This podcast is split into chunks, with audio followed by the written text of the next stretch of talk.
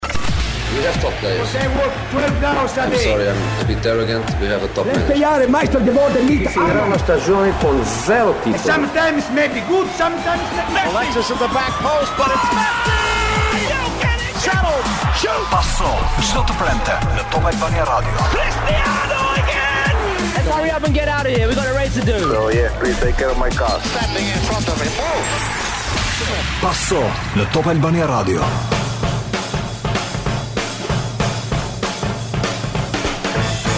Përshëndetje të gjithëve miq të Passo-s, i kthehemi në këtë të premte, sa është data sot, 17 qershor, se kemi humbur dhe sensin e datës tani nga ditët e vapës që na karakterizojnë në Tiranë dhe jo vetëm. Besoj që vetëm katër veta ne që jemi në studio këtu duhet të jemi në Tiranë sot, se gjithë tjerët do jenë duke u larë në plazh ose rrugës drejt jugut të famshëm. Un jam me Gzim Sinematin. Përshëndetje. Përshëndetje Glendi. Lorenzo Emini. Përshëndetje. Dhe sot na është bashkuar edhe Ylli Aga. Përshëndetje Ylli. Përshëndetje Glendi. Kështu që kjo është katërshja jonë sot në paso, por nuk do jemi vetëm ne, do kemi nuk e kapëm uh, çmimin e vjetër të naftës, kështu që mbetëm në Tiranë. Ja, për këtë doja ta hapja pak, meqë ishte edhe lajmi i fundit. Zim vazhdon rritet çdo ditë, çdo orë, çdo minutë. Çmimi tani është 265 Sa do që të rritet nafta Në 10.000 lek do hedhim prapë Se sa xhiro Kastrati jo S'më intereson më Jo për fe që pashë vetëm ne kemi ngel Bëj ironi me Manushin që mund të jetë në det tani Po Manushi është duke u larë edhe kush e di ku është nuk e dim Edhe unë do ia falja Manushin se po mëson notin Jo e bukura ishte se qarkullonte sot një meme për Kryeministrin që thoshte që Nuk është rrit çmimi i naftës. Ne jemi jemi ne më të varfër, domethënë çmimi rri konstant. Është varfër ai si neve. Po. Po jo, ajo është e thjeshtë vetëm një gjë më bën përshtypje. Domethënë se po e hapim çik shumë ndryshe sot. Që përtej edhe faktit që rritet çmimi i naftës, trafiku prap nuk ndalet mo. Kjo është e çuditshme. Edhe dikush më tha që dëgjo. Çmimi i naftës do jetë i lartë kur në Tiranë të lëvizin në bulevard vetëm dy makina. Atëherë kuptohet që është i lartë. Deri sa kohë vazhdon ja, ka trafik. S'ka për të ndodhur. Pse s'do ndodhur? Ja. Glendi nuk nuk zgjidhim gjë dhe nuk i japim përgjigje pyetjes që shtrove që është në fillim. Pyetja e parë dhe më e rëndësishme është si mundet Shqipëria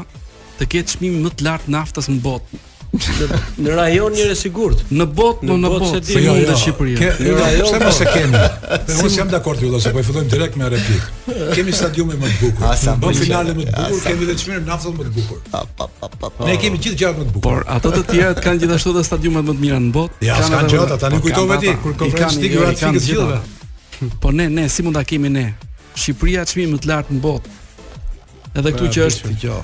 Partia shtet, partia që i ka të gjitha në dispozicion që mund të bëjë ligje, mund të hartojë taksa, mund të heqë çdo gjë dhe mban çmimin më të lartë. Ka një projeksion që mund ta çojnë deri në 300 3200 lekë të vjetra litrin, kështu që. Po derisa nuk ngrihen njerëzit t'i t'i parkojnë makinat para kryeministrisë, t'i lejnë aty stok. Edhe bëjnë çfarë duan pastaj. Dikush për ta lidhur me sportin këtë pjesën e varfërisë më tha që varfëria ka arrit deri aty sa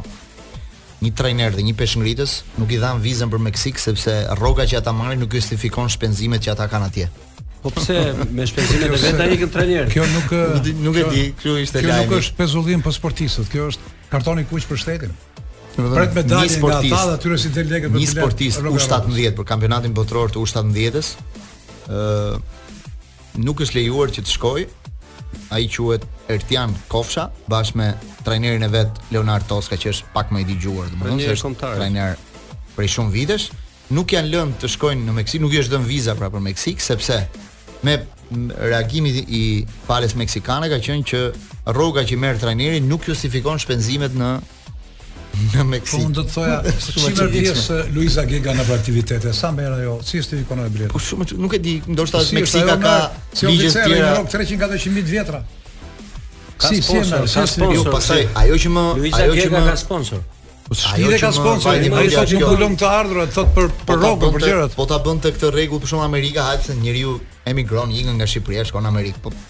Të emigrosh nga Shqipëria, shkosh në Meksikë, do të pak jo, çuditshme. Jo, që po vajte me si ja për tema. Jo. Se ju i thatë se kemi çmimin. Unë i thashë kemi stadiumin e bukur, por po, organizimin më të po. bukur kemi këtë, biles kemi edhe një më të bukur të fundit, mhm. që ishte inaugurimi i kopshtit zoologjik. Unë fakt me thënë drejtën, kishte diçka për kopshtin. I kisha parë që para 6 muajve se kemi një vend atje që në Rim, do të çaj i pra. pashë, i pari pata fatin t'i shikoj kafshët. Kafshët e vërteta. Kafshët që janë prej çimento, prej allçie, nuk e di çfarë shpikje janë. Dhe kjo historia e kafshëve që ishin bërë prej betoni, uh -huh. betoni po i themi, me material me, me material që të pallateve. Po. Uh -huh. Po, pallatet u mbytën uh -huh. tani edhe kafshët prej betoni. Tani do të tregosh atë historinë. Tani do të themi historinë, më shumë shkurt se ke marrë huqet e Manushit. Sepse kemi publicitetin e parë, kështu që vetëm për këtë kemi kohë. Tani t'i themi Yllit që Ylli ishte një njeri ngeli pa punë dhe vajti ke miku vet drejtori kopshtit zoologjik, i tha unë dua një punë. I tha çfarë punë mund të bësh ti, tha mua më ka ngordhur majmuni tha ti duhet bësh 6 muaj kurs, Të imitosh lëvizjet e majmunit dhe të marrësh një rrogë 1500 dollarë. Filloi ai u bë gjimnast majmun, pa po, more e qau rolin, i veshën gëzofin, u fut brenda atje, filloi me bë veprime të bukura, njerëzit e joshnin me para, me biskota, karamele, ai në eufori e sipër, ra ke luani. Kur ra ke luani filloi me gërthit, ndihmë, ndihmë, ndihmë, luani tha mos bëj kështu tha se do na heqin gjithë. Tashi dhe këtyre njerëzve na kanë hequr mundësinë se kafshët janë prej plastike. Dhe tani është momenti të shkojmë në publicitetin e parë dhe rikthehemi pas pak. Jemi rikthyer në paso në këtë pjesë të parë dhe përpara se të flasim për çështjet e futbollit që ne na marrin më shumë minuta, do doja edhe me Gëzimin të diskutoja pak çështjen e ndoshta kampionatin më të fundit që ka mbaruar në në botë, që është ai i NBA-së, një kampionat spektakolar këtë vit, me me fitoren me fitoren e Warriors, Golden State Warriors 4-2 në NBA përballë Boston Celtics, një një ecuri finale play-offi kjo fantastike këtë vit apo jo. Po ashtu është dhe po i kujtoja një shokut që ne që jemi çuar natën që kemi pa ndeshjet, na djegin sytë akoma. Dhe i thoja dy herë më kanë djeg sytë, njërën në stazh kur saldonim dhe një kur fillon NBA-ja. Që je pa gjumë. Je ngritur çdo çdo ditë, çdo herë që ka qenë. Jam çuar, jam çuar. Në përgjithësi kur ka qenë orën 3, ha? Kam humbur vetëm një finale. 3 të mëngjesit. Ka pasur edhe më. 3, ka qenë në darkë pak në sezon kështu, po, po në përgjithësi në mëngjes. Ëh, mhm. ka qenë një kampionat i jashtëzakonshëm për Golden State-in, mhm. sidomos play-off-i.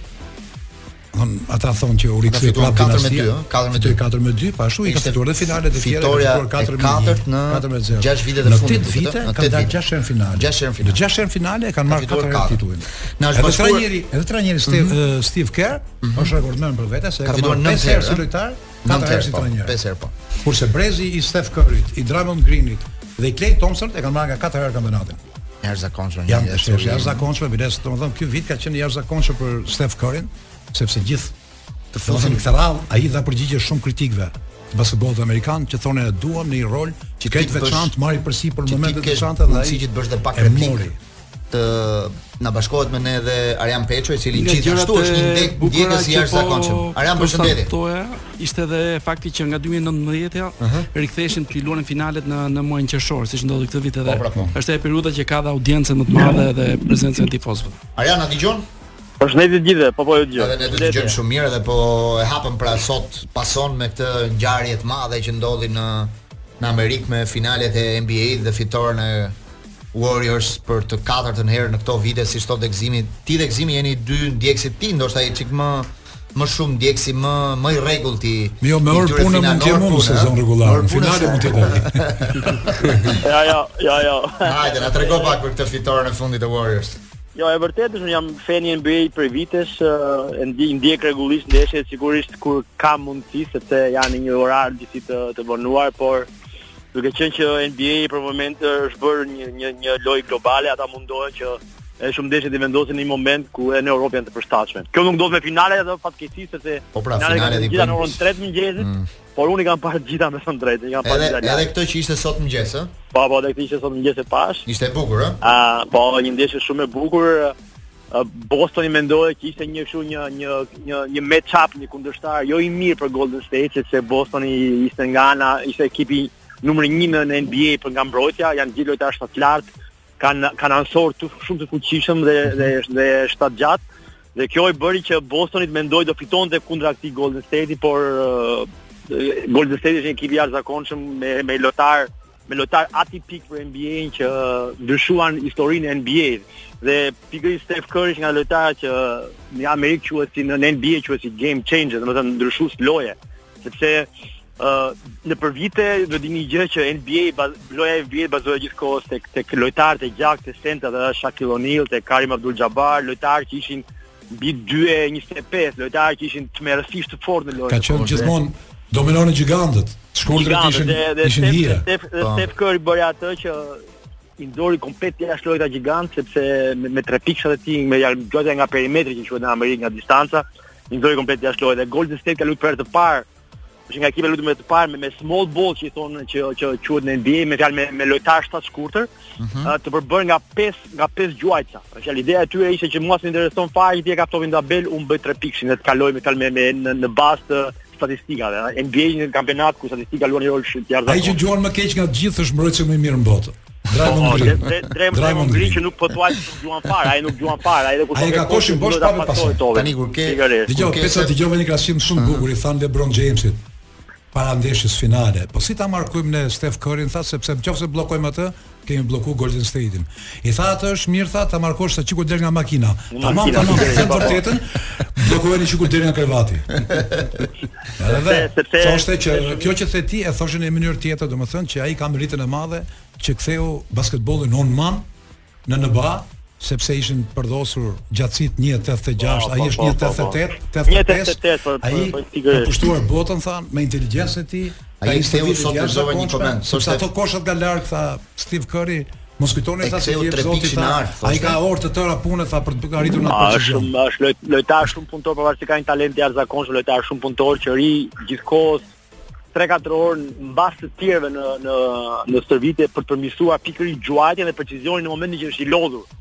Kjo është fjala ajo, kjo është ajo dhe fakt që e bën kaq të mirë. U futa pak sot Peço dhe po lexoja pak në komente dhe thonin sulmin e Golden State e quajmë ndryshe sulmin seksi. Pse quhet kështu?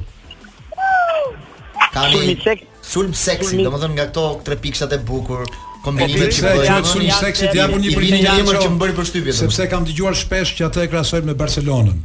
Mm -hmm. Mënyra si po, luan Golden State basketboll mm -hmm. është shumë romantike, është shumë e bukur, ata i thonë është Barcelona e basketbollit. Po. Kam dëgjuar nga Barella i Interit përcaktimin më saktë, Peço, që i thanë një herë tha, si do t'i ndaje basketbollistët NBA?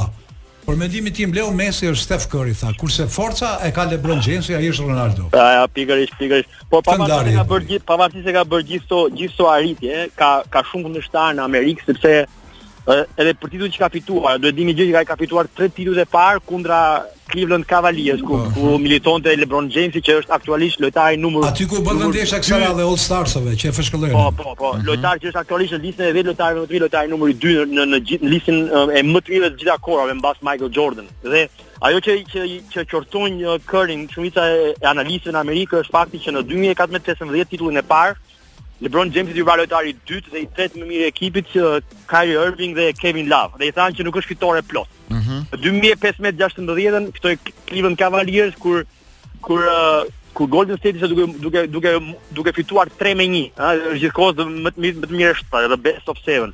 Mm -hmm. Dhe Atë gjithë kohës e qortojnë për këtë sepse në minutën në minutat e tij që quhen clutch time, ato minutat që janë në fund të ndeshjes, me sa në fund të ndeshjes, mhm. ka ai nuk ai nuk është nuk është rezultativ. Dhe pastaj e qortojnë akoma më tepër sepse dy titujt e tjerë që mori i mori me Kevin Durant, shkuan e rekrutuan për të mundur LeBron James. Këto janë ato që Edhe kur fitoi Peço Golden State 17-18 dolën Po pra po. Lojtarët më të mirë doli një herë Iguodala, një Kevin Durant. Ajo pikërisht ai. Ajo ishte sot gjithë kohën për ta për ta mbaruar Glendi që i thonë gjithë kohën se ti s'ke fituar asnjëherë të jesh lojtari më i mirë i finaleve që në Amerikë është gjëja më rëndësishme. Këtë vit doli. Dhe me këtë titull, dhe me këtë titull që ai e fitoi me një ekip të decimuar që në një farë mënyre ishte ekipi i mirë, po jo ekip për të fituar titullin. Nuk mendoj të fitonte titullin. Ai u tregoi të gjithëve që jam lojtari më i mirë i finaleve, jam lojtari më i mirë i NBA-së. Ë, uh, duhet të kemi palmaresi i tij është i jashtëzakonshëm, ai ka fituar Këtë sezon ai theu rekordin mbi 3 mijë mbi 3 mijë kosha për 3 pikë. Ka qenë ka qenë dy herë golashënuesi më i mirë i gjitha kohërave i, i, i sezonit dhe ky është pikërisht guri i fundit që i mungonte mozaikut të tij. Me fjalë titulli i katërt për të treguar që e mora vetë dhe Tjetra që atë po e çon tani do të them një kuriozitet edhe për ty që je më specialist se un, kam lexuar një gjë shumë interesante. Pas fitores së Golden State-it, kur thoshte Andre Iguodala, që është veterani i ekipit, është si trajner po që luan në fush, thoshte tani thoshte hapini vend thoshte në katërshen më të mirë thoshte në Mount Rushmore. E ka pra, parasysh po, pra, po, po, ata janë Jeffersoni, katër presidentët e Amerikës. Lincolni, George Washingtoni, Jeffersoni dhe Roosevelti.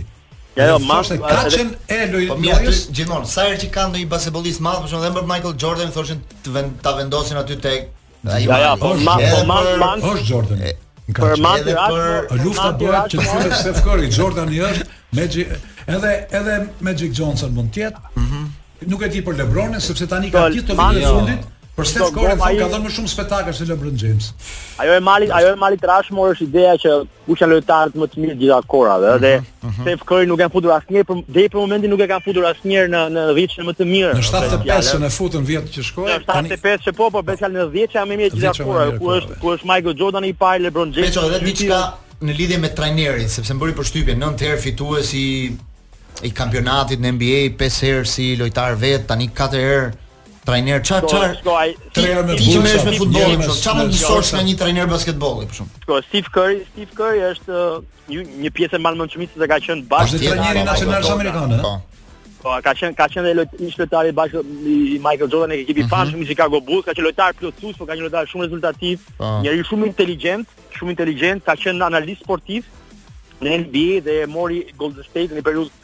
të vështirë kur mendoje që nuk do bëjnë asnjë gjë dhe i çoi i çoi katër në titull ka fituar edhe tre tituj të tjerë uh, si lojtar me me Chicago Bulls dhe me Spurs është një një një një lojtar dhe një trajner një, një vizioner i jashtëzakonshëm studion shumë futbollin, studion shumë Barcelonën, ka shumë qejf Barcelonën. Është e çuditshme, ëh, se kanë kanë ndërtuar. Shumë bukur që kjo lidhje e basketbollit me futbollin. Studion futbollin dhe stili i tij është që ai e ndan topin, me fjalë nuk bën në, në përgjithësi ekipet e mëdha në, në Amerikë luajnë me izolacion, do thotë ia japin lojtarit më të mirë dhe ai pastaj mundohet me ai ndan topin, të gjej lojtarin, ë uh, lojtarin që është më i lirë në fushë, jep besim të gjithëve. Dhe kjo është suksesi i skemës së tij. Fjalë me me qarkullin shumë të shpejtë topi, kjo është skema e tij. Ja imagjino për shkakun në këtë sezon ai ka ritëm në fund tani. Ai në këtë sezon. Kësaj pjese, të falenderoj për këtë sezon i ka dhënë shumë emër dhe Jordan Poole-it dhe Andrew Wiggins. Me vërtetë. Element ri. Edhe një gjë doja ta pyesja para se të shkojmë në publicitet. Uji është i ftohtë sot më apo është i ngrohtë? Uji është yll fare. Nuk di ç'bë. Dhe me Amy Winehouse rikthehemi në këtë pjesë të Pasos me Ylli Agën, Lorenc Jeminin dhe Gëzim Sinematin, të rikthehemi pak te hallet tona siç e themi ne. Vetëm para pak minutash në në Milano është bërë një takim ndërmjet agjentëve të Kristian Asllanit, mesfushorit kombëtar, 19 vjeçari që vitin e kaluar shkëlqeu me skuadrën e Empolit. Është bërë një takim bashkë me presidentin e Interit Zhang dhe takimi, siç raportojnë mediat italiane, thonë që ka shkuar shumë mirë.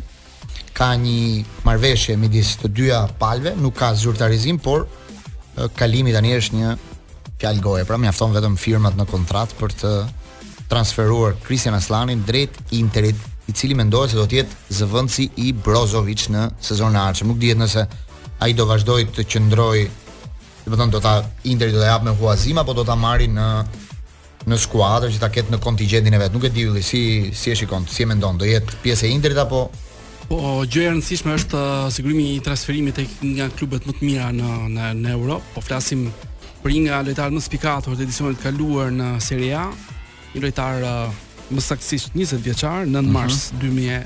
2002 është datëlindja. Uh mhm. -huh. uh, një lojtar goxha i vlerësuar, uh, i kërkuar nga disa klube të rëndësishme me Milanin që ishte një tjetër favorit Por tek Inter, sigurisht që kanë bërë hapin përpara dhe mund të konsiderohet e finalizuar tanimë marrëveshja. Nuk di nëse do të ishte zgjedhja më e mirë në çështjen sportive për të qëndruar aty dhe për të luftuar për një vend titullari apo siç klubet e mëdha bëjnë zakonisht që sigurojnë firmën me lojtarë të spikatur, të rinj dhe më pas gjejnë zgjidhje të tjera duke i huazuar në klube që luajnë në nivele pak më të ulëta se se ata aktualisht për t'i ndihmuar të fitojnë në uh, më tepër eksperiencë dhe për t'u bashkuar me skuadrën në një moment të dytë. Po gjë e rëndësishme është dhe shumë e madhe për ne që një lojtar i kombëtares sonë bashkohet me Inter. Deri këtu kemi arritur, domethënë që një lojtar i kombëtares shkon shkon të luajë për Inter. Për të dhënë disa detaje mbi transferimin. Ë po, Interi do paguajë 14 milionë euro për lojtarin, 4 do t'i paguajë këtë vit, domethënë do jetë në dy pjesë pagesa dhe 10 dhe pas me 3 dhe 10 do të jetë vitin tjetër. Ë uh, raportet shumë të mira të Marotës, drejtorit të Interit me agjentët dhe me skuadrën e Empolit bënë që kjo marrëveshje të mos kishte ndërhyrje të tjera, pasi për Asllanin kanë shprehur interes edhe disa klube të tjera, siç raporton Gazzetta dello Sport dhe thotë që Menaxheri i vet sapo ka dalë nga salla e mbledhjeve të Interit ka thënë që kjo ky kjo martesë do bëhet, domethënë kam kam mbaruar kjo martesë do bëhet, nuk kemi parë asnjë skuadër tjetër, jemi shumë të kënaqur me marrëveshjen që kemi bërë me Interin. Kjo është të vetmet fjalë që ai ka deklaruar menjëherë mbas Më duket se ishte edhe pjesë e marrëveshjes që Inter do të huazonte dy lojtarë të tjerë tek uh, skuadra e Inter. Sot është një ditë shumë e rëndësishme për Interin sepse kur vjen presidenti Zhang në në Milano bëhen gjithmonë mbylljet e mbylljet e marrëveshjeve dhe Marotta ka deklaruar pak ditë më parë që deri në fund të qershorit ne do t'i japim Inzagit të gjithë skuadrën, kështu që sot mund të ketë të reja për sa i përket merkatos edhe për Lukaku. Për Lukaku. Edhe një zë i fundit që ka dalë për për një interesim të mundshëm të Tottenhamit për Lautaro Martinez, 19 milionë euro ofertë. Mund të jetë një një lëvizje në momentet e fundit se Po shoh Interin shumë i angazhuar për të marrë sulmues, ndoshta mund të ketë një një lëvizje për të shitur Lautaron, se nuk besoj që vetëm do marrin, vetëm do marrin dhe nuk do shesin asgjë. Se bëhen shumë sulmues, pastaj vjen Lukaku, është Dybala, është Lautaro, është Dzeko, gjithashtu domethënë janë shumë. Është kjo për sa i përket këtij lajmi që vjen nga merkato. Bilanci financiar që për, për këtë klub tani është një do, një nga kriteret më kryesore dhe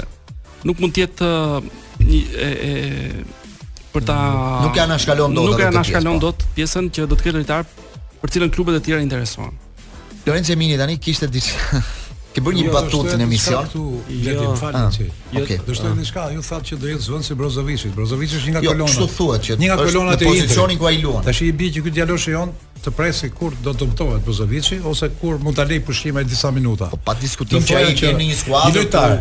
Konkurrenca është e jashtëzakonshme. Emrin e vet edhe profesionalizmin e fillimit, se është djalë i ri, e filloi duke luajtur në vazhdimësi. Ai tashin në Inter do të shkojë në një regjim tjetër. Nuk do të ketë fushën e sigurt. Kështu që është më mirë t'i lutet Zotit ta japin hua, të luajë futboll, se sa të ngrofi stolin. Jo, asgjë, në asnjë ekip nuk e ke sigurt formacionin.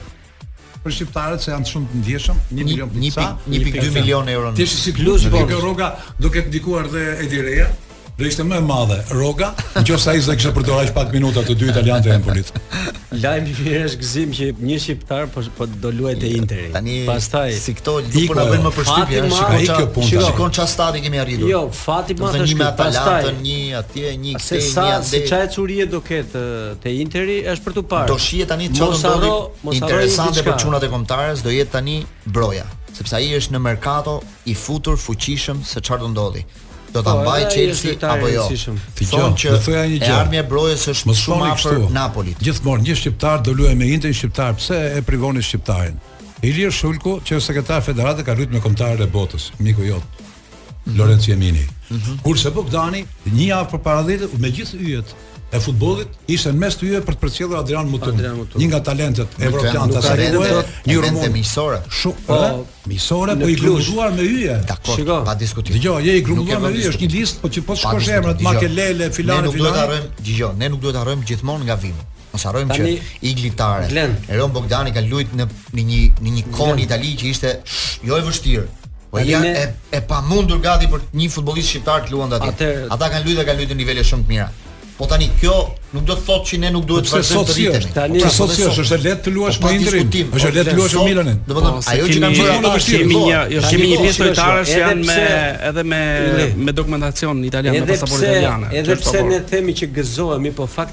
Që ne nuk është se duhet të gëzohemi shumë, ë? Pse?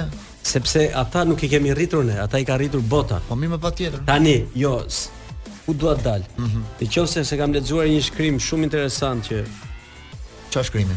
Te sfidanti pik al. Ça thoshte shkrimi? Mos bën ti reklamë, po, se nuk ka reklama, s'ka reklama. Po që sfidanti është pjesë e familjes, po, pjesë e familjes, vazhdo. Që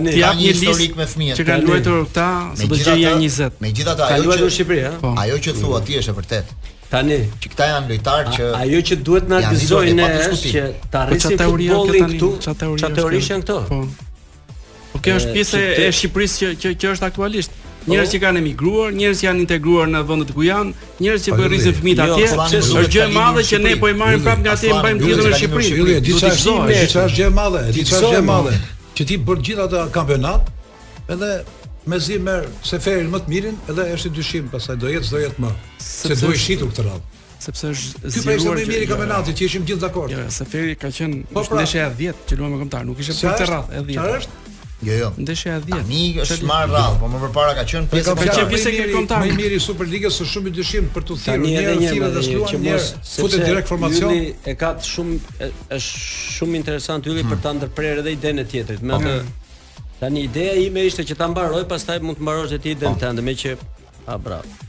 Ne thamë si fillim fjalinë që ne gëzohemi shumë që një shqiptar, ha? Mm -hmm. E thamë këtë. Po. Domethënë u bë hyrja. Po. Por, mm. por ne duhet të gëzoheshim akoma më shumë, po të kishim shqiptarë që dalin nga këtu.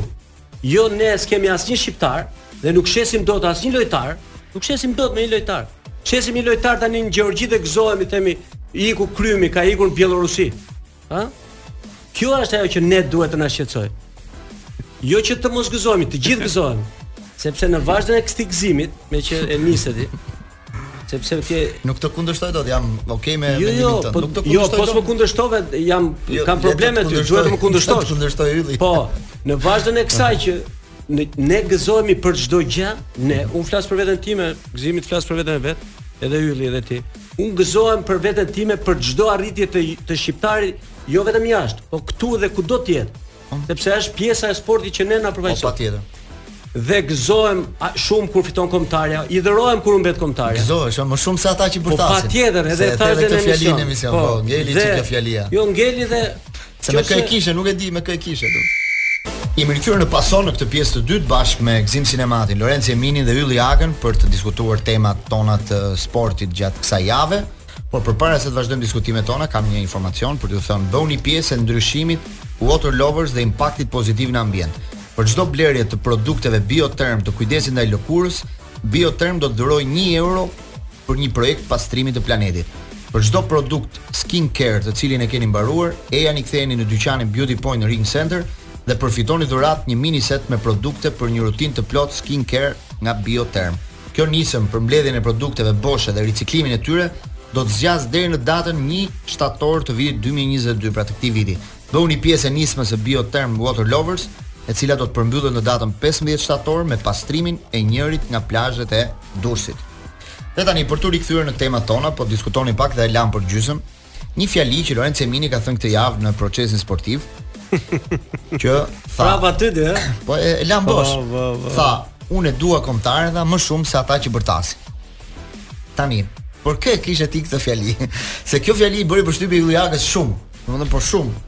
Derisa të nesërmen, ditën e martë kur ne takohemi dhe bëjmë rezymenë e fundjavës, më tha më bëri përshtypje kjo fjali e Lorenc Jeminit. E Ti tani para- mund ta sqarosh, e para sepse mua- Pasoja ne i themi gjithmonë të vërtetat siç janë dhe siç duhen Dhe thënë. dhe te Procesi të vërtetat Pa themi. ndrojtje, pa ndrojtje. Kështu që shiko, mu- e para më bëhet qefi që Ylli na ndjek te Procesi kështu sekond pas sekondi. Po vetëm ne ke krijuar mundësitë edhe ne të ai na ndjek ne. Ai transmetim me po. Digitalb kudo. Po.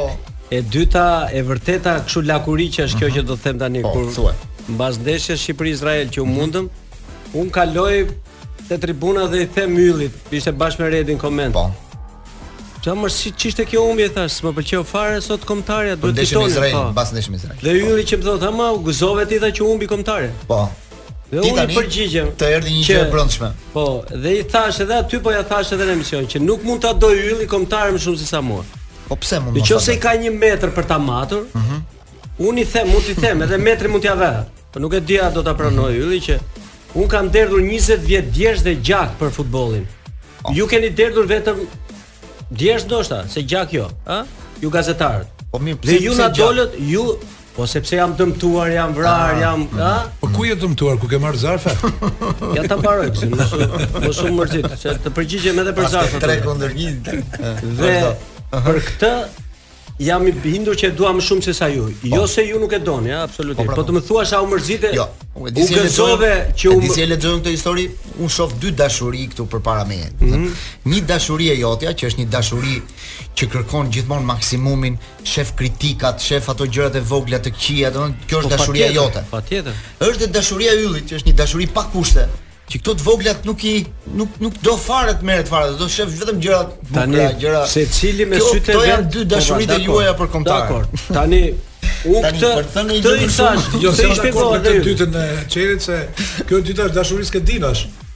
Ky thotë ta duash kombëtaren, si do që të luaj, po tani s'ka kuptim, ne do vëjmë kushte kombëtares, që duhet luaj patjetër, këtë një nivel që ne ta kuptojmë që është kombëtarja jonë, Se themi përpara ndeshjes kemi jo, lojtarë nëpër Evropë. Lorenci ka dashuri kritike. U pa të dashur. Dash, ylli nuk ka dashuri po, kritike, ka dashuri pa kushte. Edhe po, ylli e ka dashuri. Unë dëgjova fundin. Si çje thot. Para se jo, të bëjmë një dokument, unë tha, s'kemi krijuar jo. raste, kemi qenë kështu, kemi qenë kështu. I bëri vërejtjet vetëm në mënyrën e vet. Unë dëgjova komentin e Yllit. Ylli s'është vetëm ai që gërthet gol.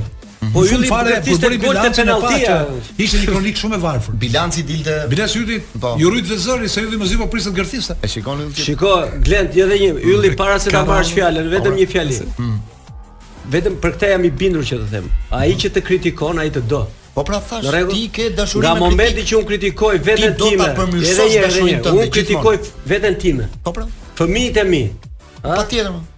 Për të tjerat mos harro që do t'i kritikoj se s'bëjnë. Po në rregull pra ti e ke dashurinë Po pra, për dhe unë atë që i thash Yllit ja thash në stadium, ja thash te procesi, po ja po. them edhe këtu. Tani le të më përgjigjet. Ylli Aga, përgjigja. E para.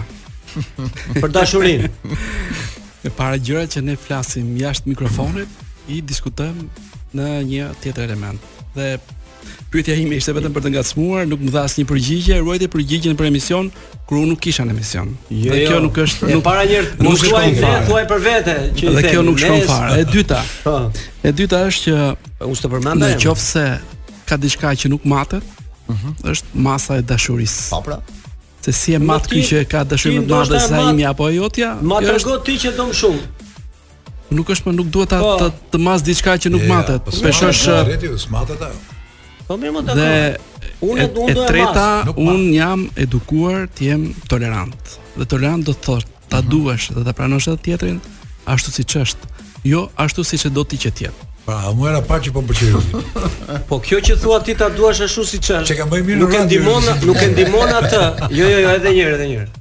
Kjo që thotë ti Leçi është bazike njëra është një fjali që thon tani që dëgjohet edhe nëpër ato buza po.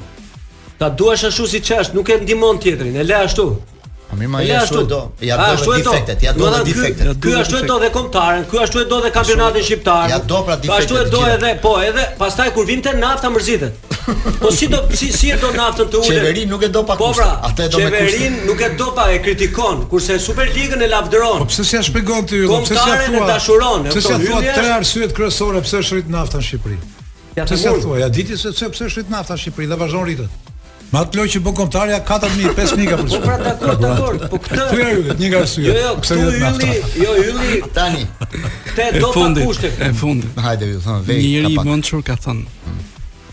Në këtë botë nuk ka njerëz perfekt, ka vetëm qëllime perfekte.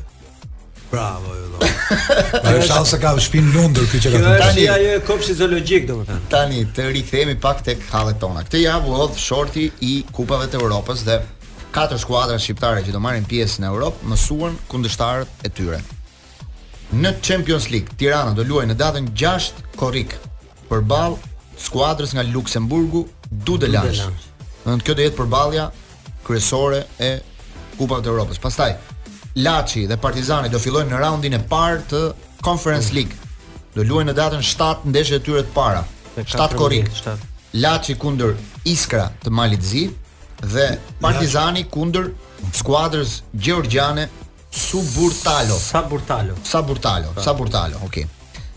Ndërsa Vllaznia do të futet në raundin e dytë si fituese kupës dhe ndoshta ka patur në i Është first time ever që futet në një ekip shqiptar kalon në turin e dytë në raundin e dytë të Conference po, Ligës. Po arsyen pse ka kaluar përball skuadrës rumune Universitatea Craiova. Ka një ishte mysafir ja ka qenë sezonin e kaluar me Laçin, me Laçin dhe para 30 vitesh me Partizan. Tani duke parë situatën. Një sekond Glend, arsyeja po. pse është futur Vllaznia në turin e dytë direkt është mhm. sepse janë përjashtuar disa ekipe mhm. që marrin pjesë, ndaj është hera e parë që. Okej.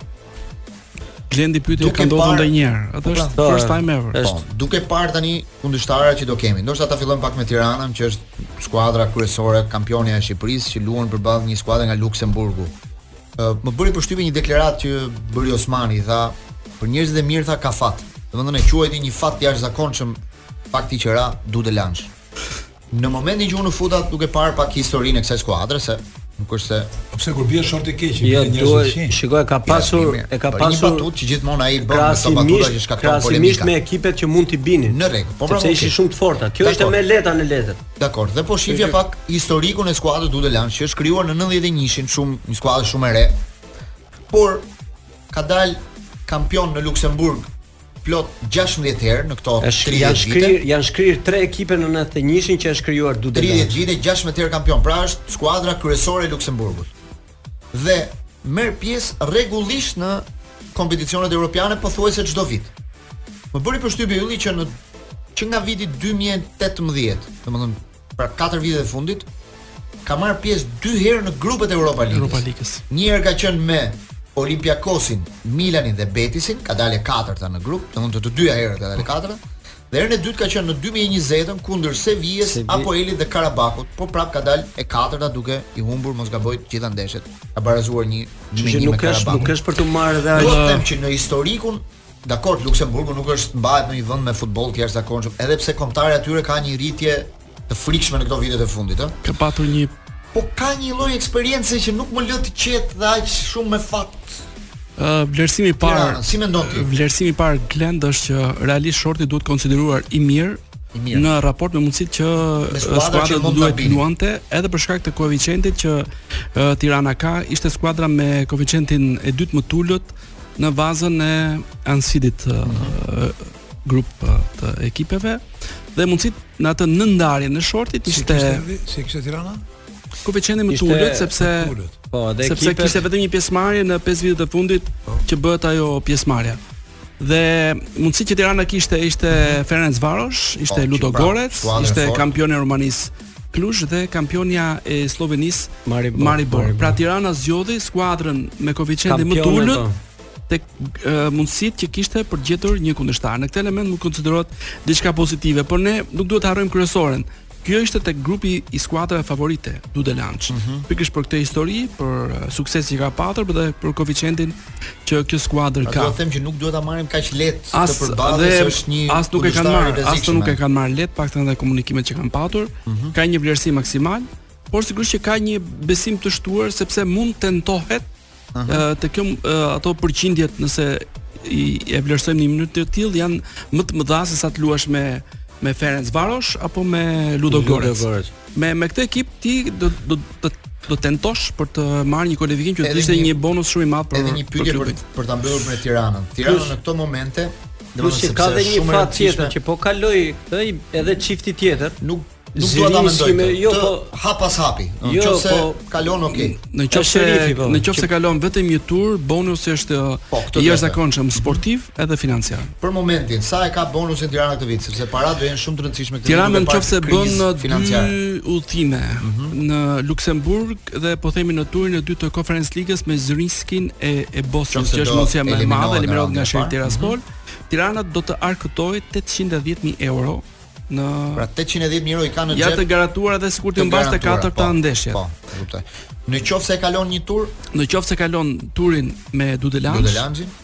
uh, siguron mundësinë për të luajtur në turin e tretë të Europa Ligës dhe në play-offin e Conference Ligës. Dhe vetëm përfitimi është përfitim shumë i madh. Të jep mundësinë për të luajtur tetë ndeshje, të jep mundësinë për të arkëtuar minimalisht 1 milion 410.000 euro vetëm nga të ardhurat e UEFA-s, por imagjino që do të luash do të luash katër ndeshje në në po. Tiranë, do të luash katër po, ndeshje në këtë po, stadium, do të ishte një bonus edhe për shkak të sponsorëve, biletave, të drejtës televizive, do të ishte diçka e rëndësishme.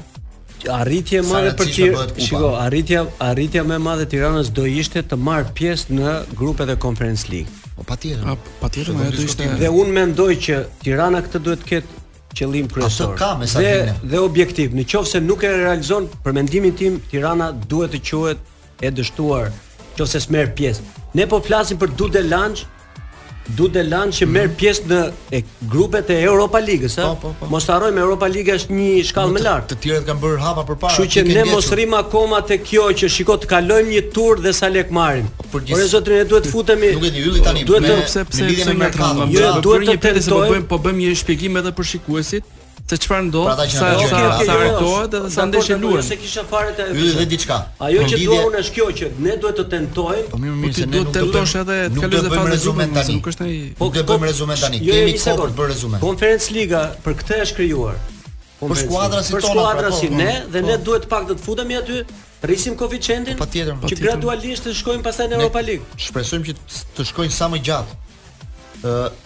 në lidhje me merkaton e Tiranës. Ka blerë një lojtar Florent Hasani, më duket. Florent Hasani, lojtar që ka luajtur së fundi në Hungari. Po largohen shumë futbollistë dhe sigur Jo, po, ky ky është një lojtar që Tirana e ka ndjekur edhe në momentin që aktivizohej në Kosovë para 3 sezonash tek mhm. Trepça dhe ka qenë nga futbollistët më premtues të të, të Kosovës. Do ketë një bomb to periudhën e fundit. Tirana është ende aktive në merkato, është goxha e interesuar për të gjetur lojtarë veçanërisht në repartin e prapavijës mm -hmm. për për qendër mbrojtës dhe në repartin e mesfushës ku sigurisht ka ende dëshira për ta shtuar cilësisht. T'i bëjmë e... një rezume dy skuadrave që luajnë në Conference League. Laçi që luan përballë Isrës, besoj që është ndoshta nga të gjithë skuadrat shqiptare po më me fat, me po. fat nga të gjithë të tjerët sepse fund fundit do lëvizi në distancë të vogël, nuk do ketë shumë harxhime. S'do ketë harxhime as lodhje fizike. Edhe kundërshtari nuk është po. ndonjë ekip që ka ndonjë histori europiane për të frikësuar. Pra, Laçi është i favorizuar nga fakti që kishte një koeficient të mirë, mm -hmm. ishte në vazon e favoritëve nga në shortin e UEFA-s dhe të përballemi me kundërshtar me të cilët në Partizani me ne kemi luajtur dhe mund të tentojmë. Laçi dhe Laçi dhe Partizani në këtë moment kanë të garantuar 250.000 euro. Po. në ndeshjet që luajnë në në turin e parë. Po në rast se kalojnë një tur, çdo tur, mm -hmm. kjo është dhe ajo zgjedhja e re që ka bërë UEFA, çdo tur që kalohet shtohet me 300 mijë euro. Pra në qoftë se këta të dyja e kalojnë këtë grup, shkojnë në 550 mijë euro. Po. Ndërkohë që Vllaznia ka të veçantën që e fillon me kat, në... e fillon me 450 mijë mhm, euro, uh mhm. -huh. sepse hyn direkt në turin e dytë, por nuk merr rëndësishme. Nuk merr atë 100 mijë euroshin e, e turit parë, por 450 mijë euro pa asnjë shpenzim Sigurisht që është një po, po, bonus po, i madh uh, për për jo, skuadrën. Ne ne shpesh herë edhe kritikohemi pse futemi në këto diskutimet e parave, por unë them që ky do jetë vit shumë i rëndësishëm për parat, duke parë vështirësitë ekonomike, vështirësitë në gjitha gjithë sektorët, lëvizjet, gjithë gjithë çka do të thonë. Nëse ne bëjmë këtë diskutim, sa më shumë që ata të marrin, më jo, ne, mirë do jetë për kampionatin. Ne këtë diskutim e bëjmë edhe në studio, por edhe në ambientet tona. Sot për shembull, mora vesh një lajm që Trajneri i ardhshëm i Dinamos do jetë Nevil Dede. Nuk është se më bëri përshtypje. Nuk është uh, konfirmuar. Nuk është konfirmuar. Jo. Po, po fakti që po flitet është një nga po, jo, më bëri uh, përshtypje, nuk kandidatët dhe dhe favoritët absolutisht, por nuk më bëri përshtypje që Dinamo merr Nevil Dede. Jo nuk kemi akoma asnjë reagim të klubit që Po më bëri përshtypje fakti që si ka mundësi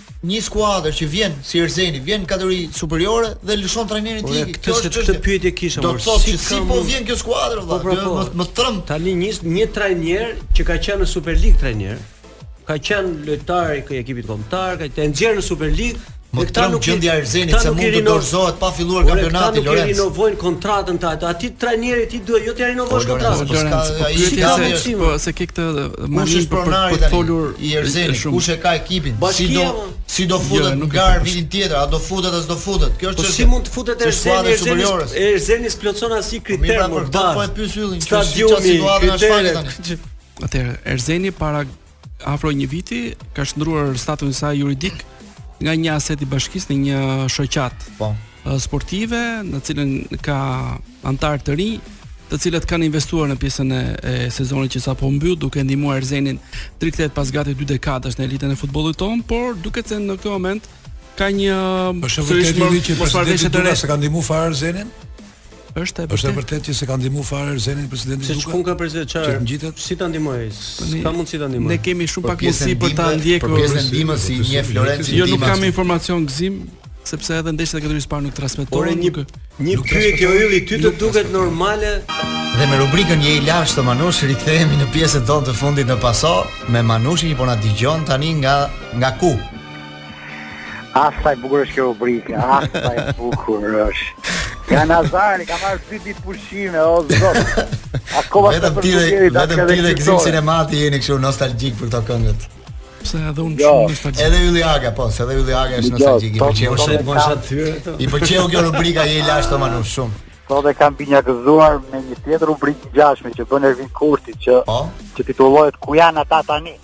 Aha. Dhe nuk është zgjedhur rastësisht Alida Hisku. Ai është në Gjermani dhe pikërisht me Alida Hiskun duke na dëgjuar tani në Top Albania Radio. Oh, O çera, ky po të thotë se emisionin e ke çuar tepër formë apo jo? Po shkatërrove fare.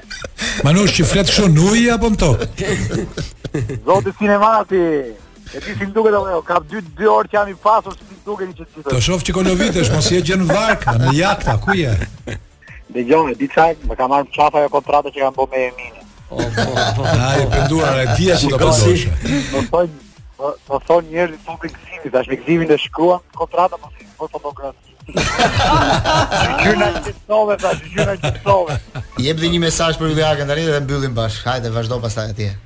Iliaga shipat, ore mos jep më dynime se do rritet çmimi tokë.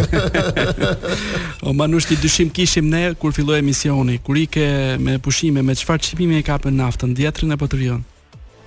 258 lek me kur... lut 2500 lek me çfarë po. të bëni kokës. Kur të kthehesh tani e ke ndryshe, e more vesh.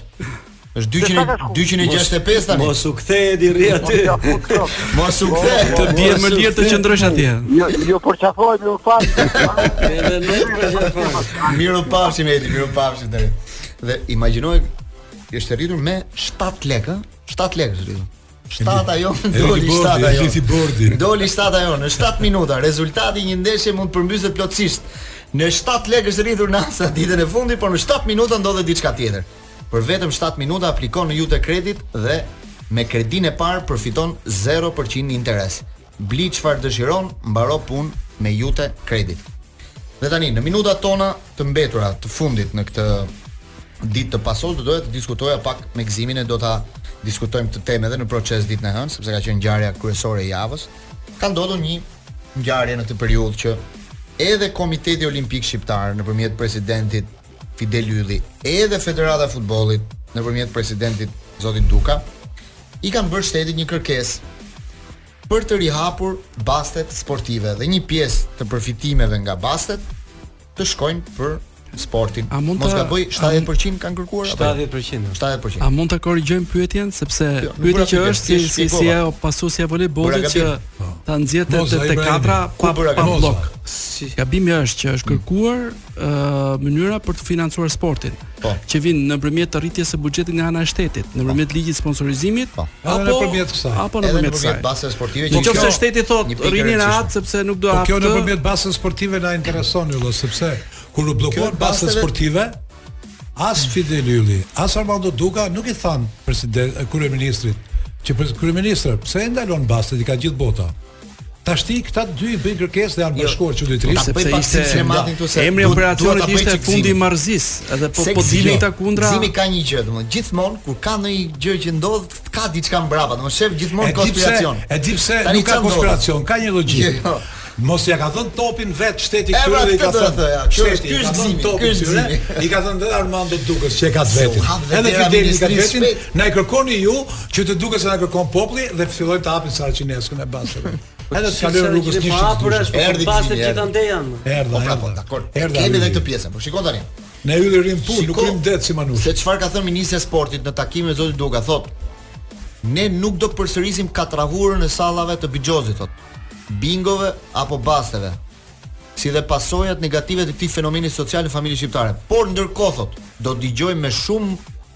interes për mundësinë e formalizimit të tregut dixhital. Kjo lidhja e tregut dixhital me bastet pastaj është një dhe po, në media është konsideruar që është një hapje, domethënë është një hapje për një mundësi të rikthimit të basteve. Po flasim për një treg që po funksionon, po flasim për një treg po. që operon në të zezë. Po, po flasim për miliona që shkojnë në xhepa që nuk mhm. dihet ku shkojnë. Nëse ka njerëz që ende të interesuar që duan më mirë të jenë ti mendon që ti mendon ato lekë A mund ta bëj një pyetje 50 milionë euro po, po. që shkojnë në Po, pra, po, a mund ta bëj një pyetje të shtetit? Mund ta bëj një pyetje. Po. Ti mendon nëse qeveria i rikthen bastet sportive, do t'i rikthejë për të ndihmuar sportin apo ka ndonjë arsye tjetër? Këtë pyetje duhet t'i bësh vetes. Atëherë, un un besoj që beteja gjithmonë bëhet për të formalizuar një treg. Ne kemi tani një treg që funksionon në të zezë. Në rast se shteti do të ishte i interesuar që këto lekë të vinin nëpërmjet kanaleve të saj, do të ishte e mirëpritur. Në qoftë se shteti do ta vijojë këtë betejë kundër basteve si një fenomen negativ, është i i mirëkuptuar, por Ylli. shteti do duhet të ndihmojë sportin Ylli. sepse është përgjysmuar shteti tjetër buxheti mund ta që ndihmojë, jepet për patjetër. Po ta për ndihmojë, futbollin, po vetëm- federata dhe zero lekë Në për vazhdim futbollin. të kësaj Nuk e thotë pyetjes të asnjë gjë. Çerit, po të bëj dhe unë një pyetje të dytë. Pse mendon ti se u ndërprenë bastet për sportin? Ato ishin rrezikoheshin zgjedhjet politike. Sporti smerte ishin para nga brenda ke bastet. Janë arsye të shumta po në atë periudhë. Po sporti është përfshirë ja njerëzve. Nëse Saki thotë që futbolli është gjëja më e rëndësishme midis gjërave të parëndësishme këtu ke ne Ai kryeministri thoshte kjo s'ka futbollit. Gëzim në ditën e para disa ditësh edhe kryeministri i Britanisë së Madhe Boris Johnson kishin ngritur alarmin për mënyrën si funksionojnë bastet, janë shtuar vetëvrasjet në Britaninë e Madhe, do duhet ta shohim këtë. Po flasim ke vendi që ka shpikur bastet, por Nëse Shqipëria pastaj është kaq puritane. Dy gjëra duhet t'i themi konkretisht që janë të vërteta. Që baste në Shqipëri për momentin ka, ë? Nuk bëjmë dot po, që nuk themi dot që s'ka baste. Po jo, jo s'ka, po kur ndalohet, në mënyrë të fshehtë, ndizet më shumë. Në mënyrë të fshehtë, domethënë ka. Që dhe sporti ka nevojë për para, pa diskutim edhe këtë, po. nuk e mohojmë dot. Që dhe ata kanë të drejtë të kërkojnë diçka nga këtë në këtë pjesë, po. pa diskutim që kanë të drejtë.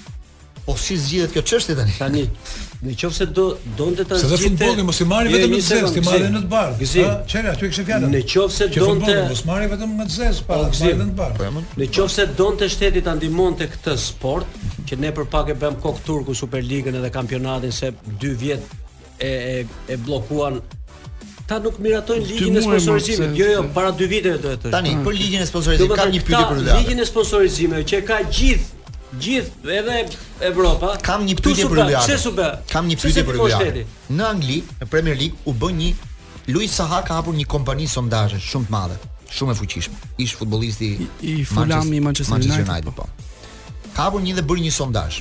Dhe thotë, në sondazh ka bërë një pyetësor për tre tipologji tifozësh, për tifozët që shkojnë në stadium, tifozët rastësorë të stadiumit, jo ata të përhershmit dhe tifozët globalë, ata që e ndjekin nga ekrani nëpër çdo vend të botës.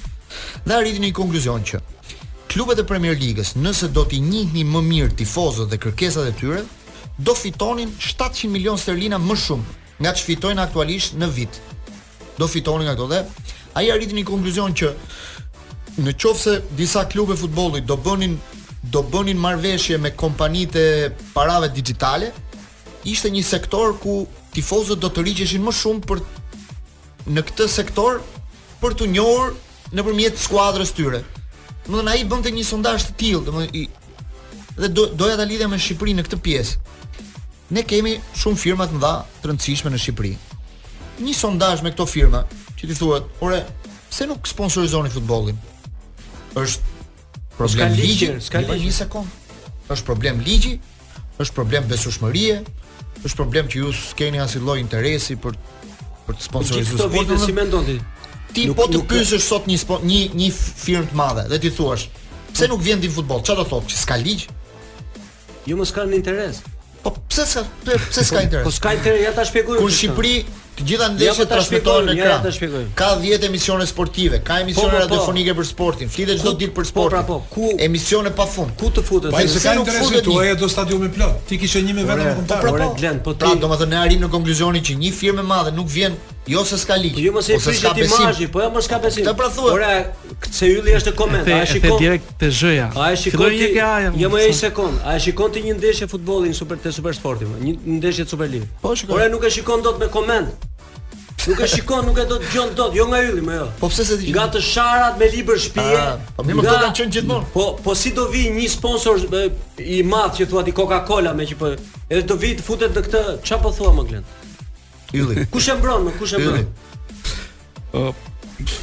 Glendi, besoj që situata është gjithmonë e thjeshtuar në momentin që do ta shohësh si treg. Këtu për çdo element të tregut që funksionon në Shqipëri, qeveritë bëjnë, krijojnë hapësira ligjore për t'i dhënë një ndihmesë çdo në në çdo mënyrë në aspektin ligjor dhe financiar. Ti sheh që Për pjesën e turizmit, ulet TVSH-ja në 6% të jepen toka me qera me 1 euro për metër katror, si si që të ndihmohet ky lloj tregu për të krijuar punësime, për të patur po sa më pra, shumë turistë dhe për të sjellë të ardhura. Në qoftë se do bëhet ky ligj sponsorizimi, do të jepet mundësi edhe këtyre që ta shohin si treg, mos ta shohin si një lypsar sportin që po jap ca lek tek ta un tani se të vinë firma të mëdha, të bëhen pronarë të klubeve. Si të bëhen? Do vim ta me Lin, qoftë se atij do i thuash që 30% të tatim fitimit mund ta investosh në sport. 20 vjet. Do jetë një do të qeveri s'e bëri. Do të hapet një portë aty, do ta mendojë dy herë. Po si s'e bëri askush mo 20 vjet? Po s'e bëri. Çka 20, 30, se thashë 20, më fal. Këtë temë do ta vazhdojmë në proces ditën e hënë. Dhe pa diskutim ta vazhdojmë se është një temë shumë e rëndësishme dhe ka ka debat për këtë ngjarje. Unë ju falenderoj sot sepse arritëm në fund me me pason, do kemi përsëri raste për të për t'u mbledhur për të diskutuar për hallet tona të sportit. Falenderoj Ylli Agën, që ishte me ne sot, Lorenc Jeminin edhe Gzim Sinematin dhe kalofshi një fundjavë të mirë, plazhi, pishina, ça të keni dëshirë ju. Mirudëgjofshim.